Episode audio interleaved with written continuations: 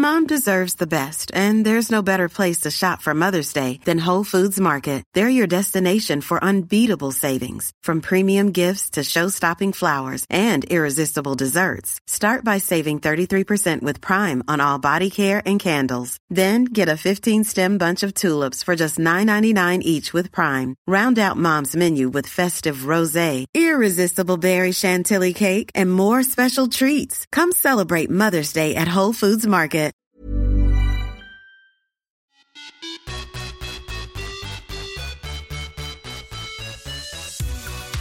Välkommen till ett helt nytt avsnitt av Viss och Svärm on the run. Som vanligt är det söndag när ni lyssnar, men inte vilken söndag som helst. Utan idag är det mors dag. Ja. Och jag, ja. och jag som pratar nu eh, heter Sara Viss och som vanligt på andra sidan så har vi... Josefin Svärm. Yay! Grattis på mors får man väl säga till dig också då. Ja men tack detsamma. Ja. En väldigt härlig dag tycker jag att fira. Ja. Jag Ja. blev, man blir alltid så förvirrad för, vi, för att eh, jag firar ju eh, min mamma på den finska morsdagen och den är egentligen inte idag. Den har varit för två veckor sedan. Samtidigt som det är i USA och Norge. Jag tror att det bara är Sverige som har idag. Det kan vara så faktiskt. Jag tror det är något så, här, så det gäller alltid liksom att ha koll på, man kan inte ha en svensk kalender eller någonting för då, då missar man den finska morsdagen för den ligger alltid före.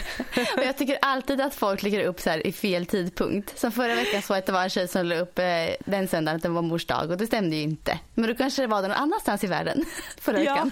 det kan vara det. Och, jag, och pappa skrev till vår, vi har en sån här familjechatt och vi är ju tre systrar och så är det mamma. Men då, och då skrev han i den förra söndagen.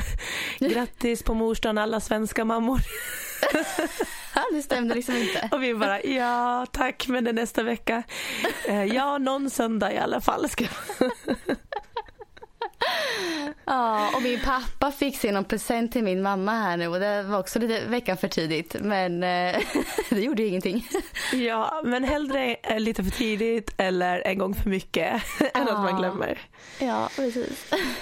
Så vi vill väl egentligen idag bara rikta en liten hälsning och tack till, till våra mammor för att, för att de har funnits för oss under uppväxten och gjort allt för oss. Och jag sa det lite till er att det är först när man själv blir mamma som jag tror att man verkligen förstår vad ens mamma har gjort för en och hur mycket hon älskar den. Ja, och jag, jag vill verkligen så här, skicka en hälsning till min mamma. eh, hon har ju liksom betytt så mycket för mig i uppväxten och hon, hon bryr sig så otroligt mycket. Alltså den oro hon har i sin kropp för sina Ja. barn alltid haft. Den känner jag också igen nu. Som sagt när jag har fått barn så blir det liksom att oh, jag förstår att hon har haft den känslan hela vår uppväxt. Eh, och hon ringer nästan varje dag och checkar av läget med alla vi fyra syskon. Det är väldigt, väldigt fint. Ibland tycker man själv så här att men nu ringer mamma igen och tjatar. Men det är väldigt fint mamma att du gör det. Så jag älskar dig. Ja, jo, men det är verkligen så. Man, man förstår på ett annat sätt när man har fått barn och det kan jag verkligen också säga när man tänker tillbaks på tiden. Hur, alltså det är lite så här att man får eh, alltså att man inte var kanske så tacksam som man kanske borde ha varit när man har Mm, förstått hur mycket det var att skjutsa. Och mamma har alltid haft så mat på bordet klar när vi har, haft, vi har tre ungar som håller på med massa fritidsaktiviteter och att få allting att rulla, rulla runt och allt det här både jobba heltid men också man vet ju hur mycket det är att ta hand om ett hem och, Ja. eh, och tre barn. Ja, det är så mycket jobb och arbete bakom det där. Eh, Ja. Som man inte förstod då. Som man inte tänkte på alls då. Precis, men nu förstår man ju bättre. Eh, Ja. Så grattis till våra mammor idag. Grattis till våra mammor och alla supermammor som gör sitt bästa varje dag. Mm, verkligen. Ha, Annars men då? annars, ja precis. Vem ska börja?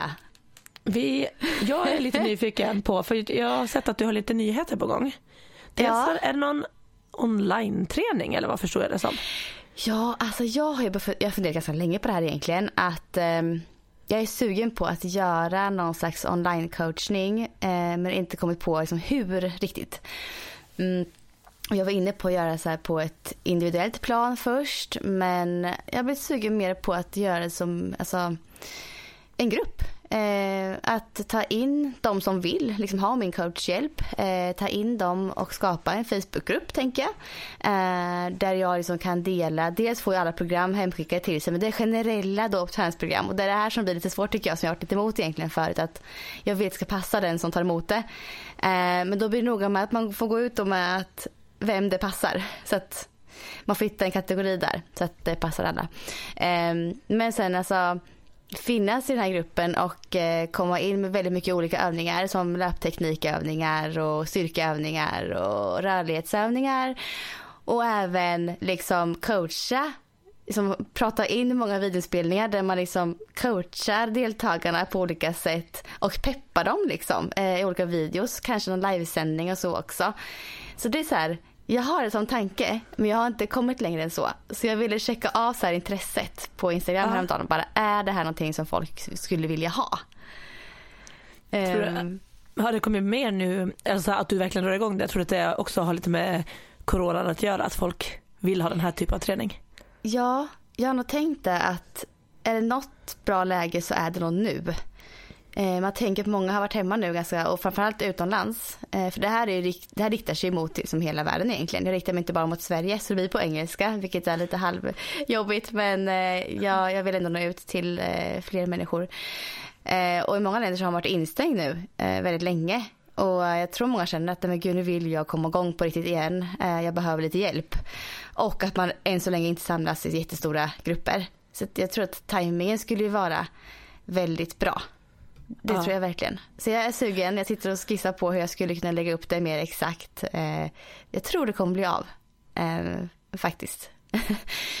Så vi får se. Det är spännande. Men för jag, vad jag har förstått och eh, vad jag tror är ändå att, att löpningen kommer att få och har fått ett litet uppsving Ah. Faktiskt på grund av coronan. Alltså, nu, I vissa länder har man inte fått vara ute men sen har det ändå varit så att ah, du får vara ute en timme och motionera. Eller något på vissa ställen och så. Men, och då, det har inte funnits någon gym eller någonting så jag tror att löpningen, att det är så lättillgängligt och att mm. du kan göra det från ditt hus och komma tillbaka till ditt hus. Alltså, eh, och även här i Sverige så säger jag, jag tänker mina kunder som alltid har löptränat, de säger mm. ju det nu också att det, oavsett om de är på en morgonrunda eller på lunchen så är det så mycket folk som är ute och springer ja. än vad de annars har upplevt innan. Jag tror verkligen, jag tror verkligen det som du säger att löpningen kommer få ett lyft av det här. Ja. Eh, helt säker på det. Och lite friluftsliv överhuvudtaget. För det har jag märkt om jag är över till Bogesund. Det är så natur eh, område som är mitt emot Storholmen här. Mm. Eh, som Lasse brukar springa en del i och vi är ibland och vandrar och sånt där. Och då märker man att där är det också det är mycket folk som är ute och går. Eh, som har tagit bilen dit och går olika leder. Eh, mountainbikes och liksom så att folk är verkligen ute i skogen och gör så och springer också då. Så att det mm det kan ju ändå vara en fördel med det här att jag tänker att eh, just löpningen får en liten boost och att folk mm. tar sig ut och tränar på ett annat mm. sätt.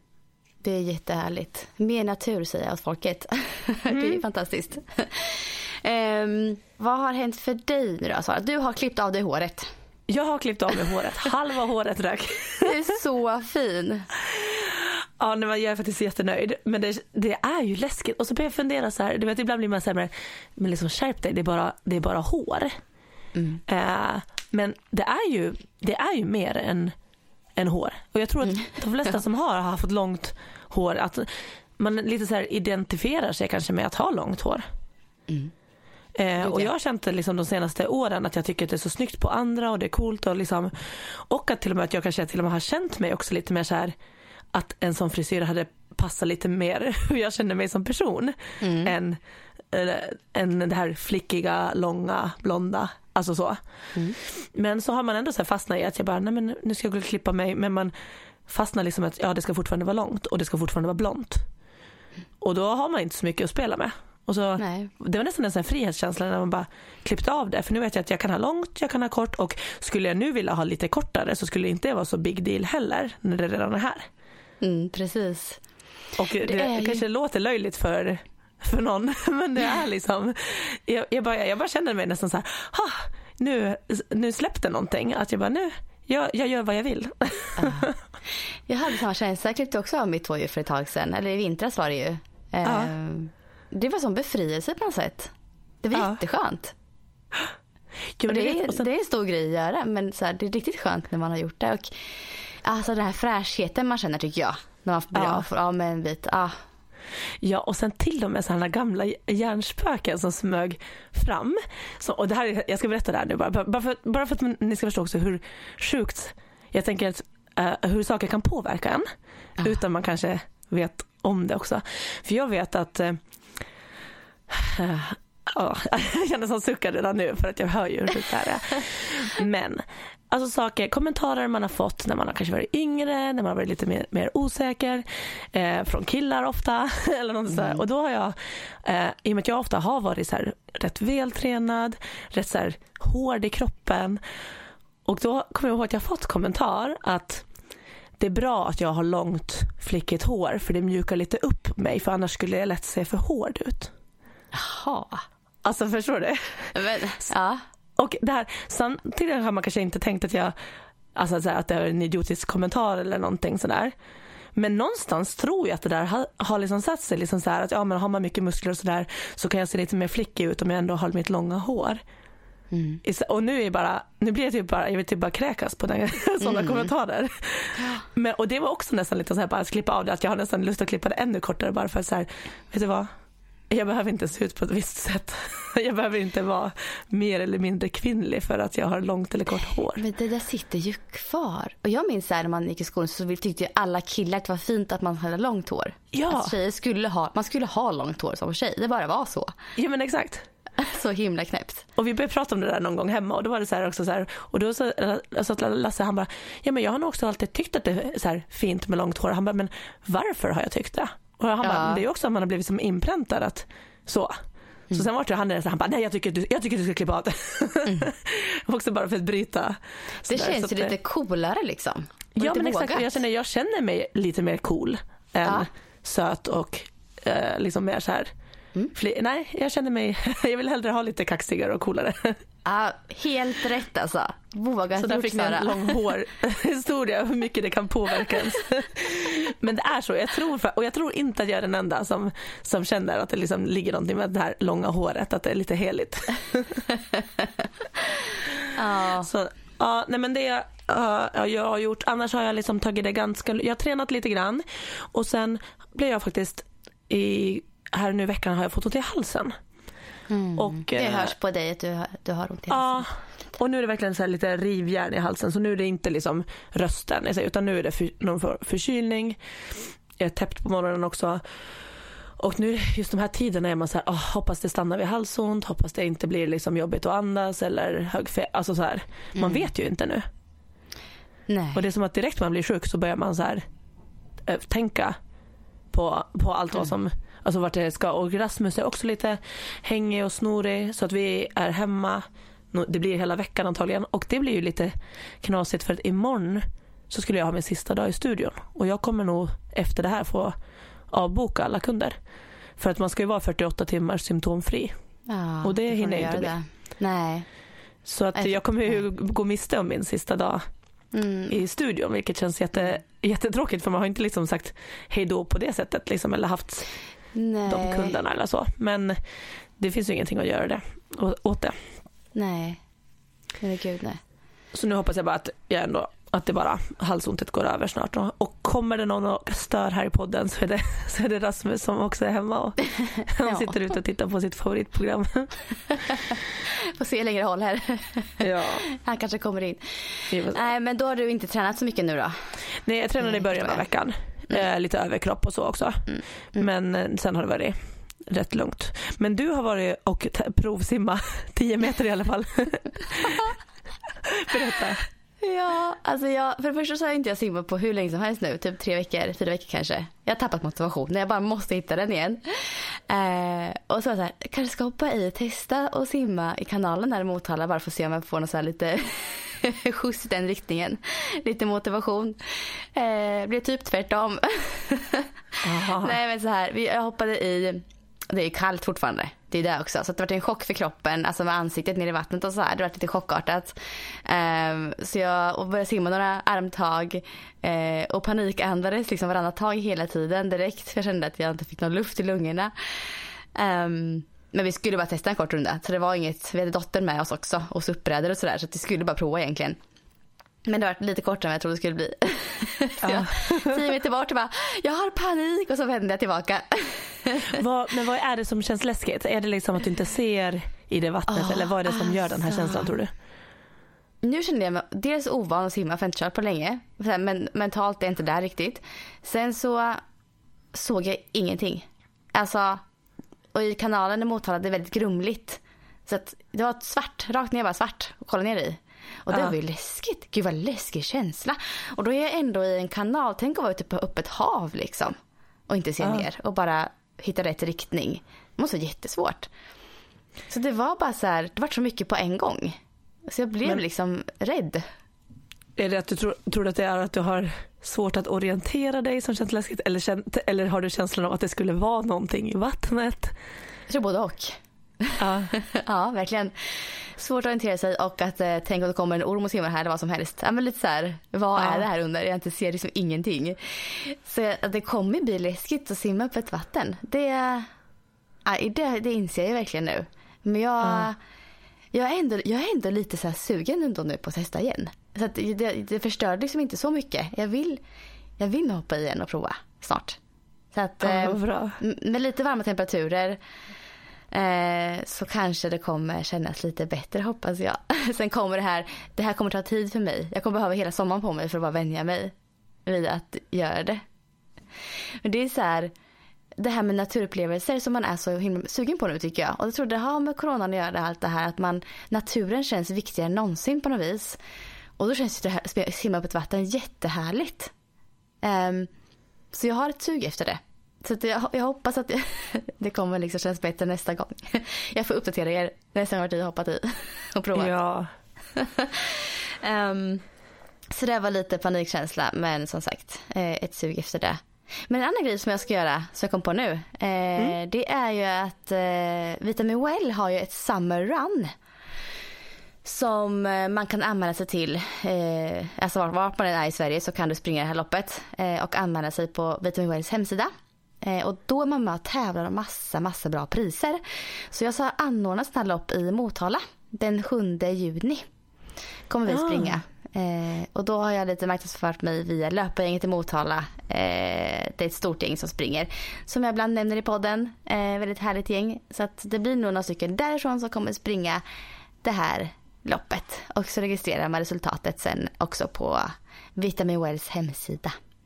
Det kommer vi göra nästa sommar. Men vad kul. Är det då att alla springer samma dag och samma sträcka? Man springer mellan första och sjunde juni. Okej, okay. så en vecka eh, under och så en vecka? Man, ja, under en veckas tid har man på sig att springa. Eh, och man väljer mellan olika sträckor. Så om man är med i tävlingsklassen så är det 2,5 kilometer, 5, 10, 21 eller 42 kilometer.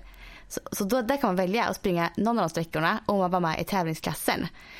Eh, och där man kan vinna då det är, alltså man, man kan vinna prispallen liksom. Man kan ju vinna vitamin well-dryck eh, eh, under en viss period och sådär.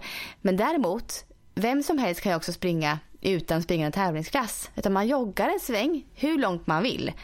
Och sen så lägger man in att man har, att man har sprungit också på Vitamin Wells hemsida. Så ska man tagga Vitamin Well också i Instagram-inlägg eller stories eh, under loppet. Så att du behöver inte springa en tävlingsklass eller springa fort. Utan vem som, än som, springer, vem som helst som springer mellan de här datumen och taggar dem och Summer Run kommer ha chans att vinna alltså jättefina priser. Men gud vad Så, kul. Ähm, ja. det, det här gillar jag också, det här kreativa kring Ja. Att ordna lopp nu. För det har ju varit också Göteborgsvarvet var förra helgen och mm. eh, att det varit lite sådana liksom lopp där folk ändå har kört mm. och fått någon diplom eller sådär. Det är ändå man kul. Blir lite, ja men lite kul och man samlar, samlar ihop sig ett gäng och kör som en tävling fast på sin egna, alltså på sin egen nivå liksom.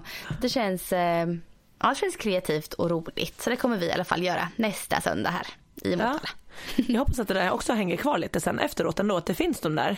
För jag tänker mm. att det kan vara de som vill tävla men inte tävla liksom i ett riktigt lopp. Men ändå ha så här, den veckan, ja. första veckan i juni, då ja. ska jag springa det här och, och så. Det är perfekt egentligen för man kan ju välja, har man en bra dag så bara, nej nu jäklar, nu ska jag springa för det här loppet. Det är ju, ja. det är skitbra. Sen gäller det att alla är ärliga och eh, rapporterar in rätt resultat då. Men det måste man ju lita på att de gör. Ja men precis. På, och på tal om liksom så här lopp och tävlingar och corona och hela grejen så såg jag faktiskt nu att SVT Sport hade lagt ut att, att de sänder live 11 juni från Oslo, Bislett Games. Som är en Oh. stor friidrottstävling och det är då första efter corona. Eh, och jag, Gud vad roligt. Vilket datum sa Ja. du? Första, eh, vad sa du? vilket datum var det sa du? 11 juni 11 juni. tror jag det Ja. var. Eh, och då är det liksom, vad kallades de? Impossible Games eller någonting sånt. Just bara för att det har varit så svårt att få till, få till någonting nu. Eh, men det här är ju liksom i och med att det är liksom, de bjuder ju in eh, deltagare och sådär så de kan ju liksom lite styra med vilka grenar det kommer vara, hur många atleter och sådär utan det är ju liksom ingen öppen tävling. Eh, men sådär och jag antar då också att det inte är med någon publik, publik på plats utan att det liksom är men de har fått till väldigt roliga eller så atleter, stora atleter som kommer, kommer dit och jag tänker att det är väl mest då liksom Europa som inte har så långt till Oslo heller. Ja. Eh, så från Sverige så är det åtminstone eh, Dav- eh, Daniel Ståhl ska kasta Oh. diskus. Mm. Eh, han vann ju liksom ändå VM-guld. Eh, Och så är eh, Duplantis ska hoppa. Nej, vad roligt. Så de två eh, förstår jag att är klara. Och sen något som är väldigt intressant är norska Therese Johaug som är alltså skidåkare. Ska hon, är, har ju visat sig vara jätteduktig löpare. Hon vann väl norska mästerskapen På 10 000 meter va? på 10 000. Ja. Yes. Ja. Och hon ska springa 10 000 eh, igen nu. På den här. Ja. Eh, och hon sa att målet, hennes mål är att klara kvalet, kvalgränsen som var till VM i Doha. Alltså 31.50. Vilket Nej, är ju häftigt. sjukt tid för jag tror att hon sprang något Nej, det är galet. 34 eller någonting på norska mästare 33-34. Så jag vet inte men det är så läste jag någonstans i alla fall att hennes mål, jag vet inte om det var nu att hon skulle klara det nu på den här tävlingen eller eh, så. Ja. Alltså gud Men- vilken fysik hon måste ha. Ja, så jag tror att det blir väldigt rolig tävling att titta på. Mm. Eh, och att de har slängt in lite sådana andra grenar också. För jag, så, jag kommer inte ihåg vad han heter efternamn, men Karsten som är också eh, typ världens bästa 400 meter häck. Mm. Norsk kille som är, har, har eh, ja, det har gått jättebra för honom de senaste åren. Eh, och då, han kommer att springa 300 meter häck. Vilket är egentligen en sån här juniordistans. Som man, Mm. Ja, det- tävlade jag i när jag var yngre. jag tror att man gör det upp till 17 år eller någonting sånt. Och sen går man över på 400 häck. Men det betyder ändå att det finns ju tävlingsresultat och sånt på 300 meter häck. Och han går ju ut med att han ska försöka slå världsrekordet på 300 meter häck. Mhm. Så det kommer också ske Mm, under den här tävlingen. Och sen så såg jag också att jag tror att det också var en, att de ska ha en duell mellan, eh, för eh, 100 meter häck har ju varit jättestor, eh, jättebra nivå i Norden på tjejsidan. Och där vet jag att jag har ju pratat mycket om de finska häcktjejerna Mm. som springer 100 meter häck. Eh, så det är två av dem som ska vara med också och möta två norskor. Och de ska springa, tro, jag tror att de ska springa 200 meter häck, vilket också är en jättekonstig sträcka. Men, va? Aldrig hört. Nej, så de verkar ha gjort det lite så här Ja men lite special men därför, jag tror att det också är för att det är inte, det är inte så mycket, eller det kommer inte vara publik där och det kommer inte att vara men alla kanske inte har kunnat träna precis som, så jag tror att den är liksom Mm. att den ska vara liksom lite ro, alltså sportglädje, alltså lite så här roligt att kolla på. Mm. Eh, så den, Ah. jag känner mig redan att jag, vet, så här, jag vill ta, eh, sätta mig i soffan och ta fram chipsskålen. Alltså verkligen som att det är någon fotbolls-VM. Typ. ja men shit vad du sålde in den här tävlingen bra. Ja. ja men jag tror också att det är för det har inte funnits, alltså, alltså bara att kolla på sporten de senaste månaderna, det, det händer ju ingenting. Det här kommer jag vilja se kan jag säga. Definitivt. Så jag tror att, Jag det, här, ja, måste. men, eh, jag tror att det kommer vara stort intresse för det här tävlingen bara för att man känner, kommer att känna här, åh, saker börjar vara lite som normalt. Det finns sport att titta på på TV. Sen så har jag kikat lite i senaste numret av Runners World och jag hittade en eh, superbra artikel eh, som jag fastnade för. Eh, rubriken är Varning för detaljsjukan. Eh, och där blev jag nyfiken direkt. Så här skriver, det här är Fredrik Silén som har skrivit för övrigt och han är ju väldigt duktig på eh, löpteknik skulle jag säga. Så här skrev han första stycket då. Eh, detaljsjukan sprider sig som en farsot bland löpare. Symptomen består av att vanligen rätt begåvade människor plötsligt fokuserar på relativt ointressanta detaljer istället för på det som faktiskt har betydelse för deras utveckling som löpare. En tränarkollega fick frågan om sitt pers på milen. Då, då var svaret en tid på närmare 32 minuter. Och då fick han omedelbart följdfrågan om vad som krävs för att springa så snabbt. Massor av tid och hårt arbete, svarade tränaren. Den frågevise löparen sa, ja det fattar jag väl, men vilket är nyckelpasset? Det här är ett utmärkt exempel på detaljsjukan. Ja. Visst, små detaljer kan vara jätteviktiga och avgörande om du ska kvala till OS. Men för de flesta som springer för motionens skull är det bättre att fokusera på de stora, enkla faktorerna istället för att stirra sig blind på detaljer som har marginell effekt. För frågeställaren exemplet har inte alls fattat. Det är inget speciellt nyckelpass som ligger bakom biltiden för två minuter. Det finns ingen hemlighet, bara mycket tid och hårt arbete. Så skriver han här i början. Ehm, ja, det är så bra. Det är så spot on på något sätt, känner jag.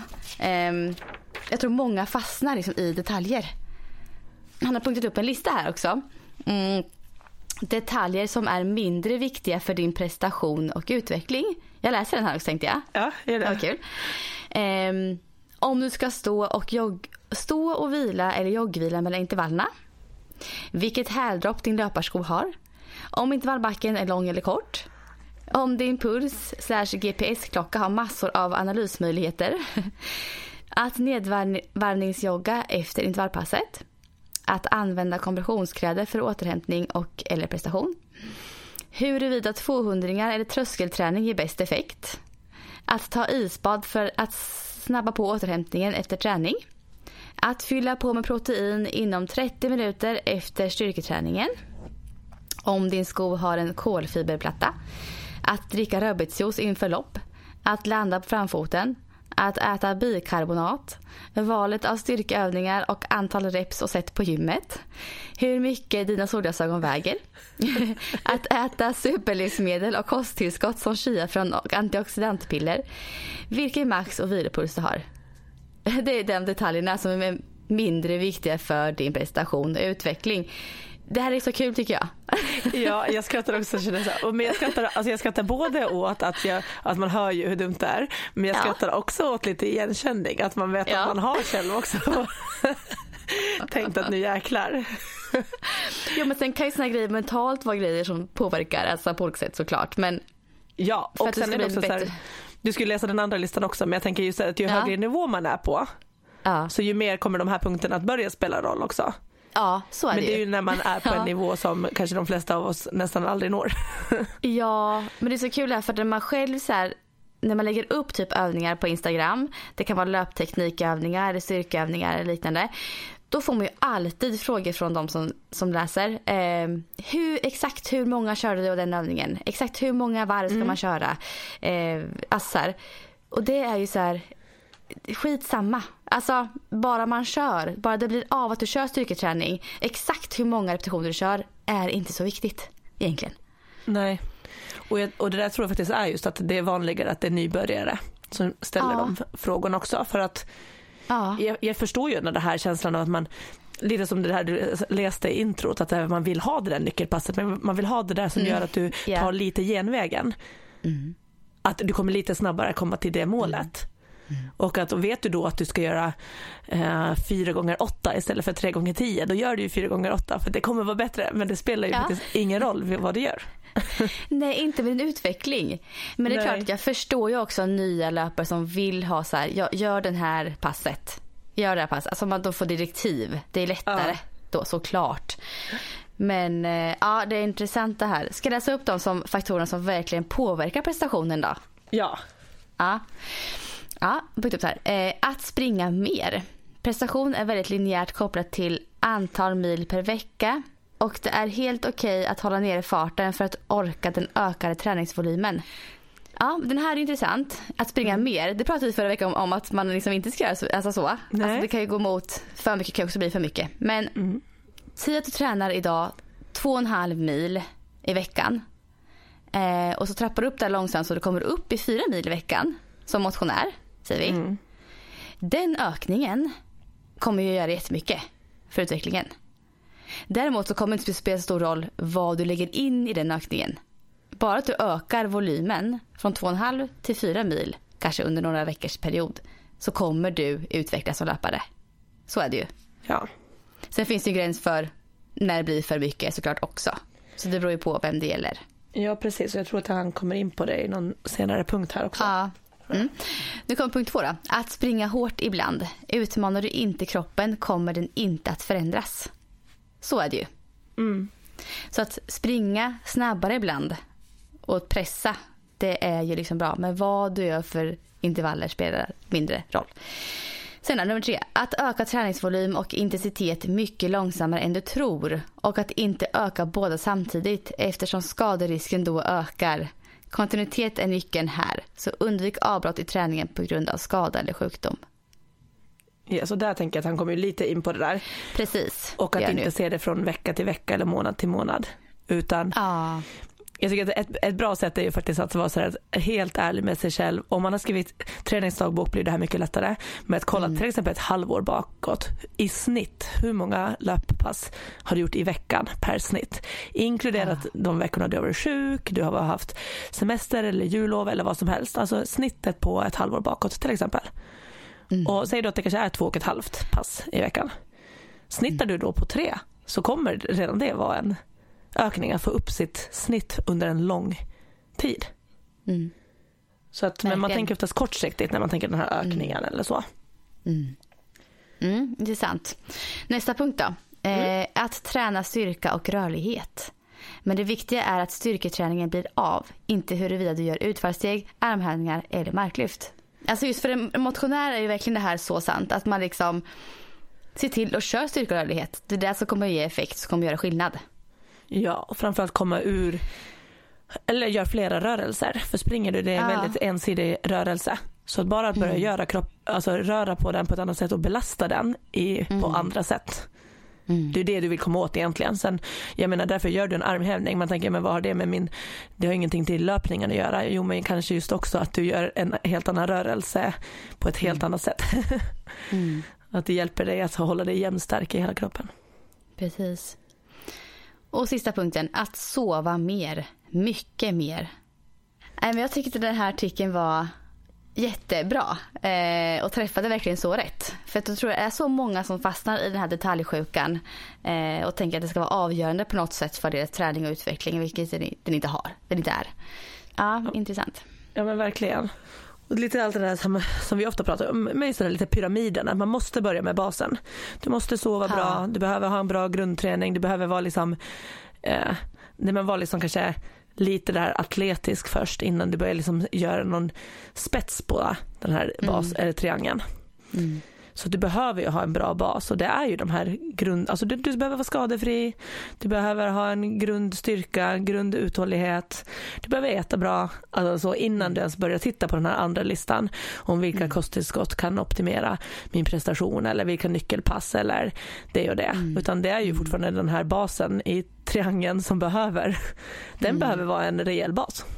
Ja, och jag känner så här, när jag läser det här så känner jag ju att jag lever mycket så här som jag som han lär. Alltså, jag är ju praktexemplet på en person som inte liksom eh, går stirrblind på intervalltider och exakta pass utan jag jag tränar så att jag, jag får in distansfart, jag får in långpassfart, jag får in tröskelfart, jag får in V2 maxfart. Jag får ju in alla de här kvaliteterna i mina pass men inte genom att sätta ut exakta intervalltider eh, och pulszoner och sådär. Utan jag går på känsla, jag kör fartökningar i passen, jag kör progressiv distans. Jag kör ibland snabbare intervaller, trycker på lite extra och känner att jag eh, kommer upp i V2 max. Jag känner det på flåset. Ehm, och jag tror bara så här liksom att det räcker långt. Det där bara, om man inte är en person som tycker om att att fastna i detaljer så räcker det jättelångt att bara köra så. Man behöver liksom inte nörda ner sig för mycket. Om man inte vill. Vissa går igång på det. Men eh, vissa tycker att det kan vara lite jobbigt. Ja, jag tänkte den där sista punkten, det är någonting som jag möter mycket med nyblivna mammor som jag garanterat kommer få påminna mig själv om mm. också nu framöver. Och det där med att sova mer, mycket mer. Att det är många mm. som du vet när man har en liten och man vill komma igång med träningen, man vill bli starkare, man vill känna igen sin kropp och sitt ork igen och så. Och då blir det lätt att man liksom så vill då öka på träningen eller typ äta på ett, miss, på ett visst sätt och så, så frågar man sig men hur sover du?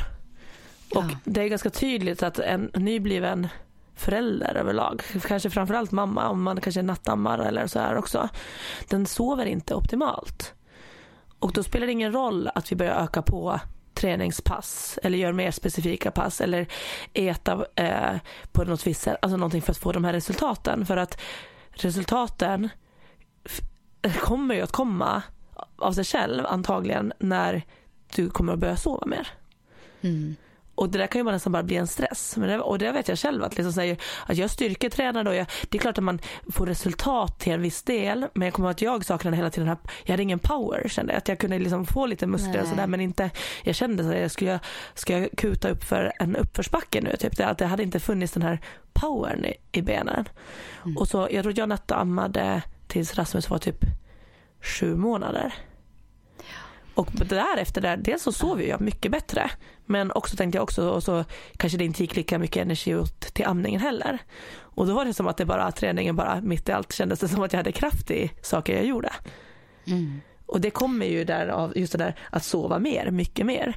Det är ju liksom, mm. vi kan inte hoppa, vi, vi, kan liksom inte tänka så här, ja men nu, nu är det som det är, då får jag göra mer av någonting annat.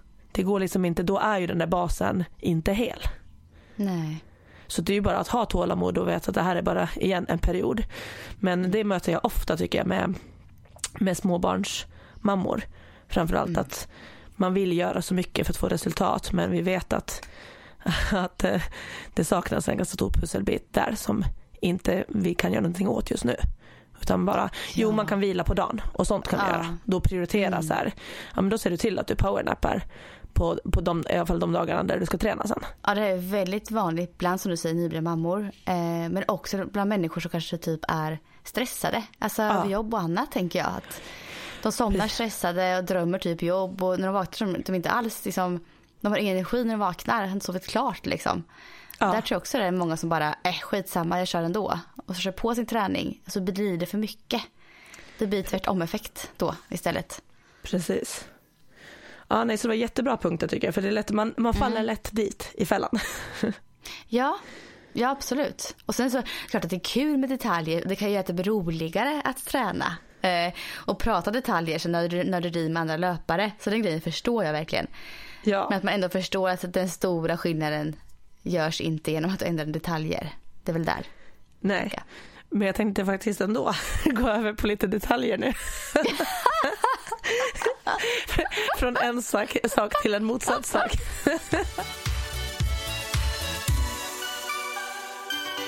Nej, men det är bara lite, det är lite så här, för det jag funderar mycket på i veckan är lite så motivation eh, mm. överlag. Eh, och då har vi pratat lite just här hemma också om just det här med belöning. om att få liksom så här när man vill ha löparprylar eller nya skor eller klocka eller det vill säga för det gör ju ändå så här. Jag tror det är viktigt bara att komma ihåg att så här, när vi pratar resultat och utveckling som du pratar om. Mm. Det är inte där detaljerna sitter. Eh, men detaljer och, så, och de här sakerna det kan ju vara bra för motivationen. Ja. Och då, men då är det ju en annan sak. Det är ju inte för att vi kommer ja. prestera bättre eller någonting. Nej. Så att, eh, var, vi satt äntligen och pratade om så motivation och Lasse läser någon bok. Om det är liksom så olika sätt som man höjer sin motivation. Eh, och då var just en av de här sakerna med att faktiskt eh, ha, eh, ge sig belöning för det man gör och var man typ som spenderar sina pengar. För vi pratar mycket om det så här, vad, hur mycket är okej. Alltså, till exempel de som håller på med cykelidrott och så här, de kan ju sätta väldigt mycket pengar på så här, prylar och ja. eh, att det blir väldigt dyrt att hålla på. Men mm. då pratar vi ändå om så här, men är det så fel att sätta saker, alltså sätta pengar på saker som man faktiskt älskar att göra? Alltså om jag köper en ny cykel eller ny, nya löparskor och då springer mer eller cyklar mer. Då är det ju egentligen ett ganska bra sätt att investera sina pengar i. För ja. man gör ju mer Absolut. av någonting man tycker om att göra. Mm. Istället för att kanske köpa, som vi pratade så här nu, köpte vi ny eh, bil. Den kommer man vara glad åt i kanske var det i snitt två månader eller någonting. Och sen är det bara liksom ens bil. Men att hellre då sätta ofta pengar på små saker inom det området som, som motiverar dig till att göra det du har ett intresse för och ännu bättre ju då också om det också är bra för din hälsa, så som till exempel träning. Mm. Alltså det, ja, gud, alltså jag, här känner jag igen mig. Alltså jag och min sambo pratar om det här ganska ofta nu för tiden. Eh, mm. för han köpte nämligen en mountainbike nyss. Alltså ja. ingen dyr grej men det var ändå så här, det är ändå pengar som han ja. la liksom på den. Um, för både våra barn har fått varsin mountainbike.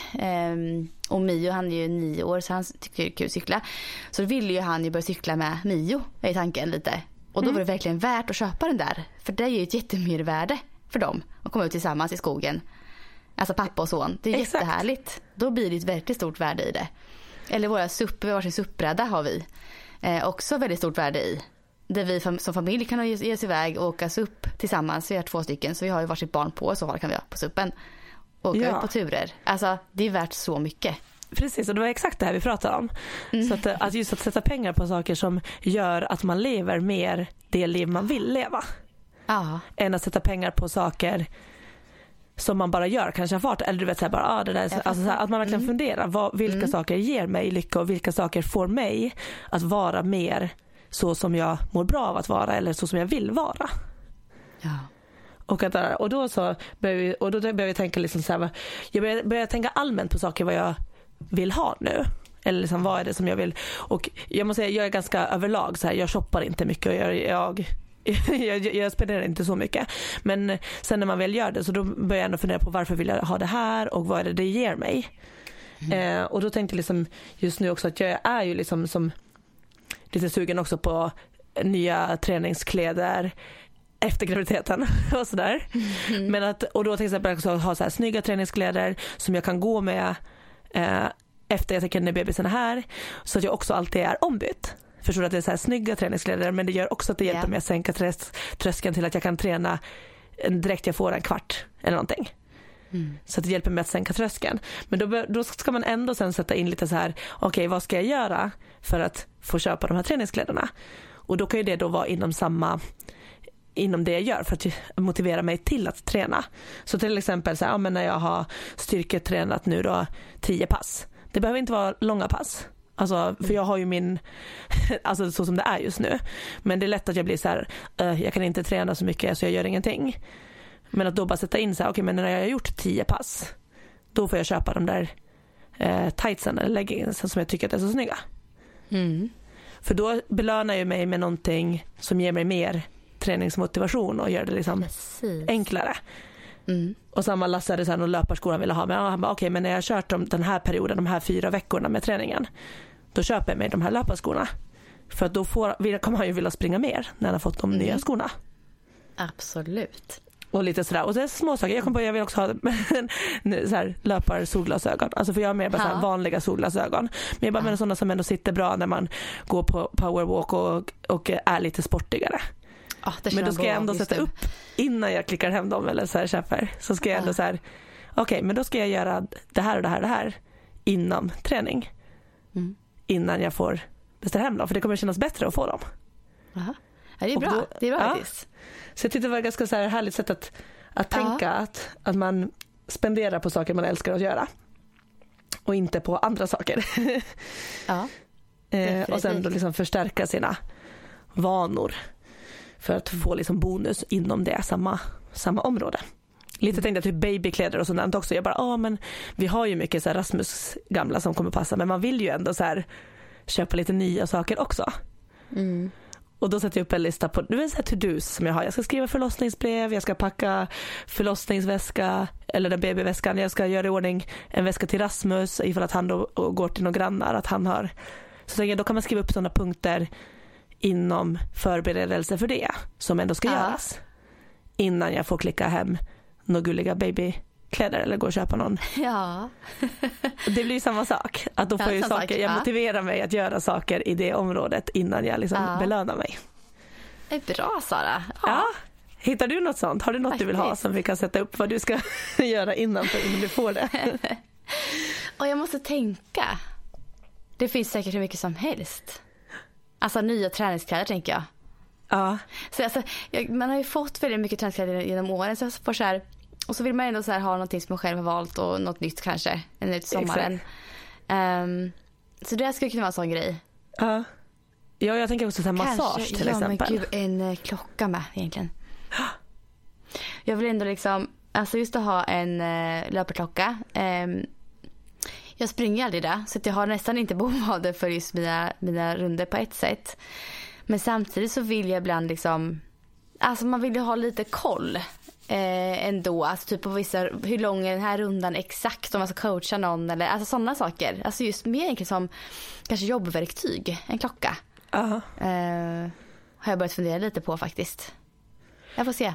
Ja men så använder jag, jag har ju en, en klocka och jag använder ju inte jag använder inte så löparfunktioner på den. Men jag tycker det är roligt att ha koll på liksom så steg om dagen. Eh, lite sömn.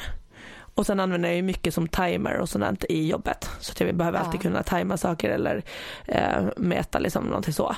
Eller distans som du säger. Mm. Eh, Så det kan vara kul. Alltså just när jag har varit skadad mycket med så har inte, jag har ingen ingen koll riktigt på vart jag ligger till heller. Alltså annars så vet jag ju så här att ja, skulle jag tävla idag så skulle jag springa på den här tiden typ. Nu är det så här, mm, jag vet inte hur mycket jag kommer tillbaka. Så just för att ha lite koll på så här vart jag ligger till. Jag är lite nyfiken mer att veta känner jag. För jag vet verkligen inte alls nu. för den skull med liksom. Vad är min pace om jag ska springa 10 km idag? Jag kan gissa, kan göra ungefär. Men jag vet inte exakt. ja. Mm. ja men det kanske du får ha på din lista så får du fundera ut då vad du ska göra Ja, ska göra innan. Ja. Det var en annan sak vi pratade om också då när vi pratade just om motivation och liksom det här med att orka eh, komma igång med träningen så sa vi, jag vet att du också har nämnt någonting att, att du behöver bara typ ställa fram sakerna kvällen innan eller någonting sånt. Ja, att det, absolut. det är bara att du tar på dig kläderna och går ut så vet du att då är Ja. du igång i men Jag träningen. har alltid förberett alltså, exakta plagg på morgonen när man ska springa på morgonen. Då ligger Ja. så sitter skor och kläder och allting och ryggsäcken och allt är framme liksom. För det var en annan sån här viktig grej i den här boken, är ju som motivation, det var att göra det enkelt för sig Ja. och att veta lite vad är det som krävs för att jag ska sätta igång. Och där vet jag så, för du hade det, jag vet att Lasse hade också så här att, han, att det, hans största tröskel det är liksom att byta om till löparkläder. Han vet att har, jag, har han väl löpt, har han väl bytt om, då går träningen av sig själv. Men det där steget till att ibland blir det att man inte byter om för man fastnar med andra saker och gör annat. Och jag har märkt att det är min tröskel nu, det är att jag måste ha ett pass som är färdigt för vet inte jag vad jag ska göra. Då är det som att jag Just skjuter det. på träningen Mm. hela tiden. Och sen även om jag får en lucka så kan det vara att jag inte hinner träna på den luckan för att jag inte har bestämt mig för vad jag ska göra. Och då går det en kvart, 20 minuter till att jag sitter och funderar på vad jag ska träna. Det är ju här, ja men det är ju det fallet som jag förstår folk som vill ha träningsprogram. Exakt. Så man Och jag vet vad jag ska lost. göra. Och jag Ja. kan ju känna att jag, så har jag inte bestämt mig vad jag ska göra. Mm. Vilket kan vara lite svårt nu också när jag inte exakt vet hur kroppen känns. Men samtidigt, jag har ju övningar som jag vet att alltid funkar. som för några dagar gick jag ut och bara körde bänk och lite biceps och Ja, du sådär. är ju ingen nybörjare direkt, du vet ju Nej, jag egentligen. vet, så det men jag förstår bara- ändå. Men det blir min den där tröskeln är att jag, Ja. för jag kan ofta gå ombytt om, om dagen för att jag Mm. jobbar ju med träning och så så att jag har ju träningskläder på så det är ju ingen tröskel Mm. för mig. Men för mig är det liksom så här, ja jag måste veta vad jag ska göra. Mm. Och då tyckte jag att det var ett så bra tips som jag fick av en av mina PT-kunder. Eller det var inte så att hon tipsade, hon berättade om hur de gör hemma. Och jag tyckte det var så bra för hon springer mycket och med sin kille. Sara heter hon. Eh, och då har de gjort nu liksom under coronatiden när de liksom, du vet, det blir mest löpning som de tränar. Så då har de en intervallburk hemma. Jaha. Och då har de skrivit liksom i olika typer av intervaller. Eh, se- men sen man kanske gör tio olika pass. Så han kanske skriver fem, hon skriver fem och så har de bara vikt ihop de här och satt den i burken. Och sen varje gång de då ska ut och springa intervaller, då gör de så att de bara handen ner i burken och så tar de upp och så vet de vilket pass det blir den dagen. Alltså fan. Ja, är bra. Kul Och det, grej också. så, det var så här rolig grej och lite så som jag hade behövt att man inte tänker och bara så här, "Åh, vad ska jag göra, vad ska jag göra? Utan bara så här, ja men då kör vi, då kör vi burken. Och så håller de på att beta sig igenom nu då hela, hela burken och de har verkligen det blandat backintervaller, det är långa intervaller. De hade sprint, de hade kört så här 30 sekunders sprint där nu förra veckan och, Oh, kul. och sånt. Och då blir det också att man Ja. testar på sånt. För det kan man ju bestämma när man skriver lappen. Man behöver ju inte bara ta pass som man brukar köra. Utan då har de kört Nej, men 6 det gånger där- 30 sekunder med tre minuters Ja. vila. Så då var det verkligen ett riktigt sprintpass. Och hon sa shit vad tungt det var att springa, eller att vad svårt det var, att det var så svårt att hålla jämn fart när man maxar. Att hon sa att hon kunde känna hur man sackar ner lite mitt i intervallen och så kom upp igen. Och sådär. Mm. Men det är just för att man verkligen försöker trycka på. Alltså, och orka hålla upp också, driva Ja. på. Det är ju tufft alltså. Precis, och då sa hon att hon behövde de där tre minuterna för att kunna orka springa max igen. Och så här. så det var, jag, jag, jag tycker det var så roligt att eh, och bra tips. Så intervallburken och eh, Den tar vi med oss. Ja, intervall. Eller just det där, sänka tröskeln till att göra det enkelt och belöna dig i rätt riktning. Ja. Så att du, Ja, så att du köper dig mer motivation. ja. Ja. Grymt ju, Sara.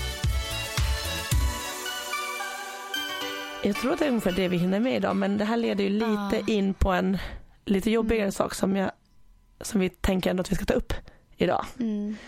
Eh, och det har ju också med lite motivation och drivkraft och hur någon kan motivera fast det är väldigt tufft. Ja. Och det är ju min vän och kollega Elin Kjos som just nu kämpar mot aggressiv obotlig lungcancer. Jag tror inte att någon har Ja, missat det här nästan. Nej. Och jag varit så här, vi tänkte ta upp det förra veckan Mm. men alltså det, det är så tungt att prata om. Och jag, ja, eh, jag har inte liksom inte riktigt kunnat prata om det och jag märker nu också direkt jag pratar om det så är det väldigt tufft. Ja, fy. Alltså jag... Usch, alltså jag tänker på henne var... Jag känner inte ens Elin och du känner, du är din kompis. Jag är så ledsen för dig också. Men jag tänker på henne alltså varje dag sen hon la... Alltså på riktigt varje dag. Ehm, och nu blir jag också så här jätte... Jag blir ledsen när jag, nu när pratar om det. För jag har inte heller pratat om det här liksom med så många. Och inte med någon som jag vet känner henne väl heller. Så blir jag ledsen för det också. Ja, Usch. Hon är så stark och bara modig och bara... Åh. ja och det är så här, jag tror att i början tror jag att jag liksom inte riktigt förstod, jag ville inte riktigt förstå. Alltså jag, det var som att jag nästan så här satte ifrån mig, eller jag har varit med på resan nu från att hon har haft hosta i ett år. Hon har haft så här och bara jag måste kolla upp det och så här, de har inte hittat något och det var så och igen och så här, men man har bara tänkt så här, ja men ja det är någon jobbig lunginflammation, alltså eller någonting fast hon har inte varit så, hon har inte varit sjuk så hela tiden utan det var hostan som inte har gett sig men man tänker ju inte Nej. att det ska vara så här. Nej. Och sen kommer jag ihåg att hon sa där på när vi hade den här, vi hade ju där internationella kvinnodagen så hade vi pass ihop så som vi hade förra året också. Det har liksom blivit lite vår grej på Barry's. Det pratade vi om i podden också. Ja Grejen. exakt. Och då kommer jag ihåg att hon sa att de hade hittat någonting som hon skulle de skulle gå ner och kolla med kameran närmare vad det, vad det var. Och det är inte så länge sedan, var det 6 mars? Ja. Och sen liksom att det så här, så känns det som att varje gång det kommer till någonting så här hemskt så tar det dessutom fel väg. Så här, okej vi har hittat en tumör, vi ska se vad det är. Ja det var cancer. Ja det var aggressiv. Mm. Och ja den var obotlig. Alltså det känns som att så här, det kan inte ta flera felsvängar. Nej. Och att nu liksom då mitt allt var från att okej det här blir en kämpig tid men du klarar det. Mm. Till att veta så här, nej men den här kommer inte att gå att bota utan nu hoppas man på att, på att bromsa den. Så, Ja. att man, så att hon får längre tid. Det är liksom så här, nej, det är så sjukt. Och att det, jag, jag blir så, jag blir så, så arg också för det är så här, man fattar ju liksom verkligen nu att det är klart att det är viktigt att leva sunt och hälsosamt och ta hand om sig. Men sen finns det ändå personer som kommer ha otur. För jag menar, Mm. Elin är ju liksom exemplaret på hälsa och hon har alltid, Ja, hon har liksom alltså- tävlat på elitidrott i simning och efter det fortsatt liksom träna för hälsa och må bra. Hon har aldrig rökt en cigg i hela sitt liv. Hon är 32 år. Och så är det liksom av alla cancertyper också så är det liksom lungcancer. Alltså det känns så, och, alltså Elin är ju liksom, alltså vi har nämnt henne här ett antal gånger. Jag, ja, och alltid som en powerkvinna. Alltid som en powerkvinna. Jag ser upp till henne så otroligt mycket. Alltså jag gör verkligen det. Hon är helt fantastisk och motiverande och så jävla imponerande. Och att en så stark tjej, liksom ska, ung tjej, ska drabbas av det här. Det känns så jäkla orättvist. Det finns liksom inte ord för det. Det är bara så orättvist och sån jävla otur hon har haft i det här. Ja. Men de vill ju, de försöker ju nu samla in pengar till henne ju. Ja. Eller till, de försöker ju hitta hjälp på något sätt. Eh, finns det någon, något ställe där man kan få hjälp och bota eh, hennes liksom cancerform eh, så vill ju de liksom göra allt de kan, alltså hennes familj. Mm. Um, och du visste ju René Voltaire va? Det är en vän till Elin. Exakt, en vän till Elin och en av hennes liksom stammisar sen Barrys öppna. Så jag går ofta på Elins klasser och jobbar ju själv liksom ändå med hälsa på, på annat sätt, kanske inom kost och så. Eh, så hon har startat en insamling då för att de ska kunna åtminstone hitta dem något alternativ utomlands eller i Sverige eh, som kan eh, bromsa det här, eller som eh, finns någon mm. chans till det, så vill de att det ska finnas ekonomisk möjlighet i alla fall till att ta varenda chans som finns. Mm. Så hon samlar, äh, har öppnat en insamling och det var därför vi också faktiskt verkligen vill ta, ta upp det här. Alltså dels mm. känns det konstigt att inte ta upp det för det är så stor del av vad ens tankar går kring nu. Uh, det, det är lätt att man tänker att allting rullar på som vanligt på Instagram och i podd också. Men att det, ju, det här är ju också vad som händer just nu. Mm. Uh, och då så vill man vara med och bidra. Uh, vill man stötta det här så, så finns det ett swishnummer, jag säger det snabbt. Eh, 123 18 02 461. Så 123 18 02 461. Det är liksom en swish som man kan då eh, hjälpa till att eh, bara skapa möjligheter, ekonomiska möjligheter. Och, och det är också viktigt att säga, skulle det vara så att det inte finns någonting eller mm. så kommer de här pengarna, allting kommer att gå till liksom cancerforskning. Mm. Så att det, liksom, det kommer oavsett att gå till någonting bra. Och jag, jag, vet att det har redan, alltså det är ändå så fantastiskt hur folk hjälper till. Jag vet att de är ändå en bra bit över 300 000. Mm, jag såg som har, igår. Så Ja, men äh, ibland, det känns som att man, man kan inte göra så mycket men det här känns ändå skönt att man gör någonting. Mm. Och det jag vet också ja. att peppar Elin jättemycket. Det, mm. det är min andra kollega från Barrys, Anna Korsgren, som startade, tror jag, jag tror det var hon som startade en hashtag train for Elin. Uh, för att vi vet hur mycket Elin pushar och peppar, alltså hon har gjort det så många år. Pushat och peppat och fått andra att liksom känna sig så starka och eh, genomföra sin träning och eh, må så mycket bättre. Och jag vet att hon uppskattar jättemycket när hon ser folk träna under hashtaggen nu, hon, hon följer den. Och det ger henne pepp och motivation att fortfarande köra det hon kan. Men också tror jag att se att liksom så här, hur många det är som verkligen tänker på henne och, och engagerar sig. Mm.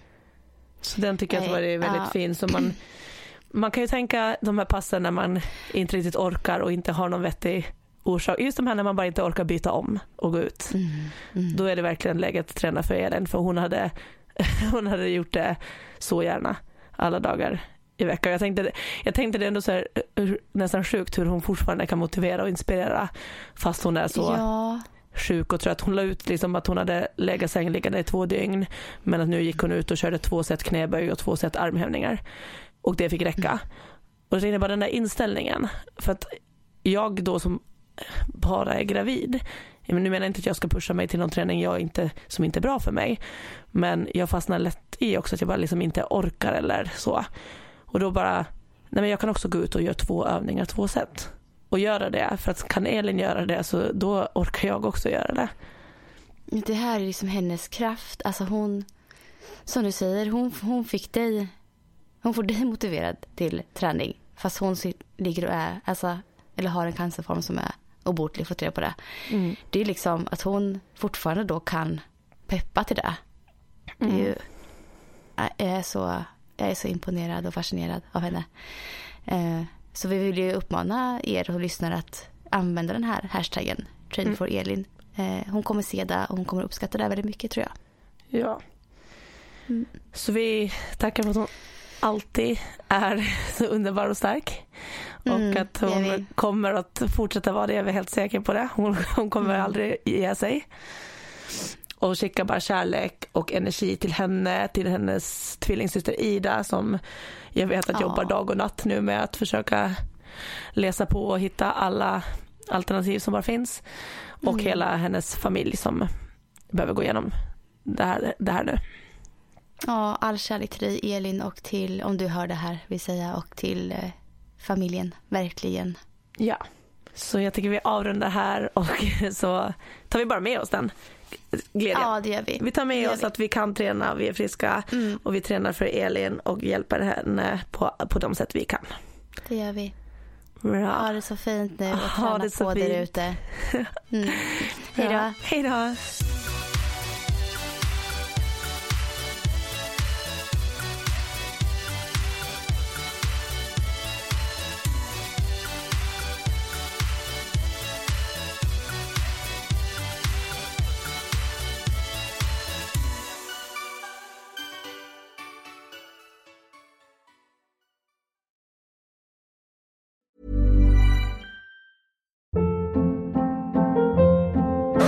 Hold up. What was that? Boring. No flavor. That was as bad as those leftovers you ate all week. Kiki Palmer here, and it's time to say hello to something fresh and guilt-free. Hello Fresh. Jazz up dinner with pecan-crusted chicken or garlic butter shrimp scampi. Now that's music to my mouth. Hello Fresh. Let's get this dinner party started. Discover all the delicious possibilities at hellofresh.com.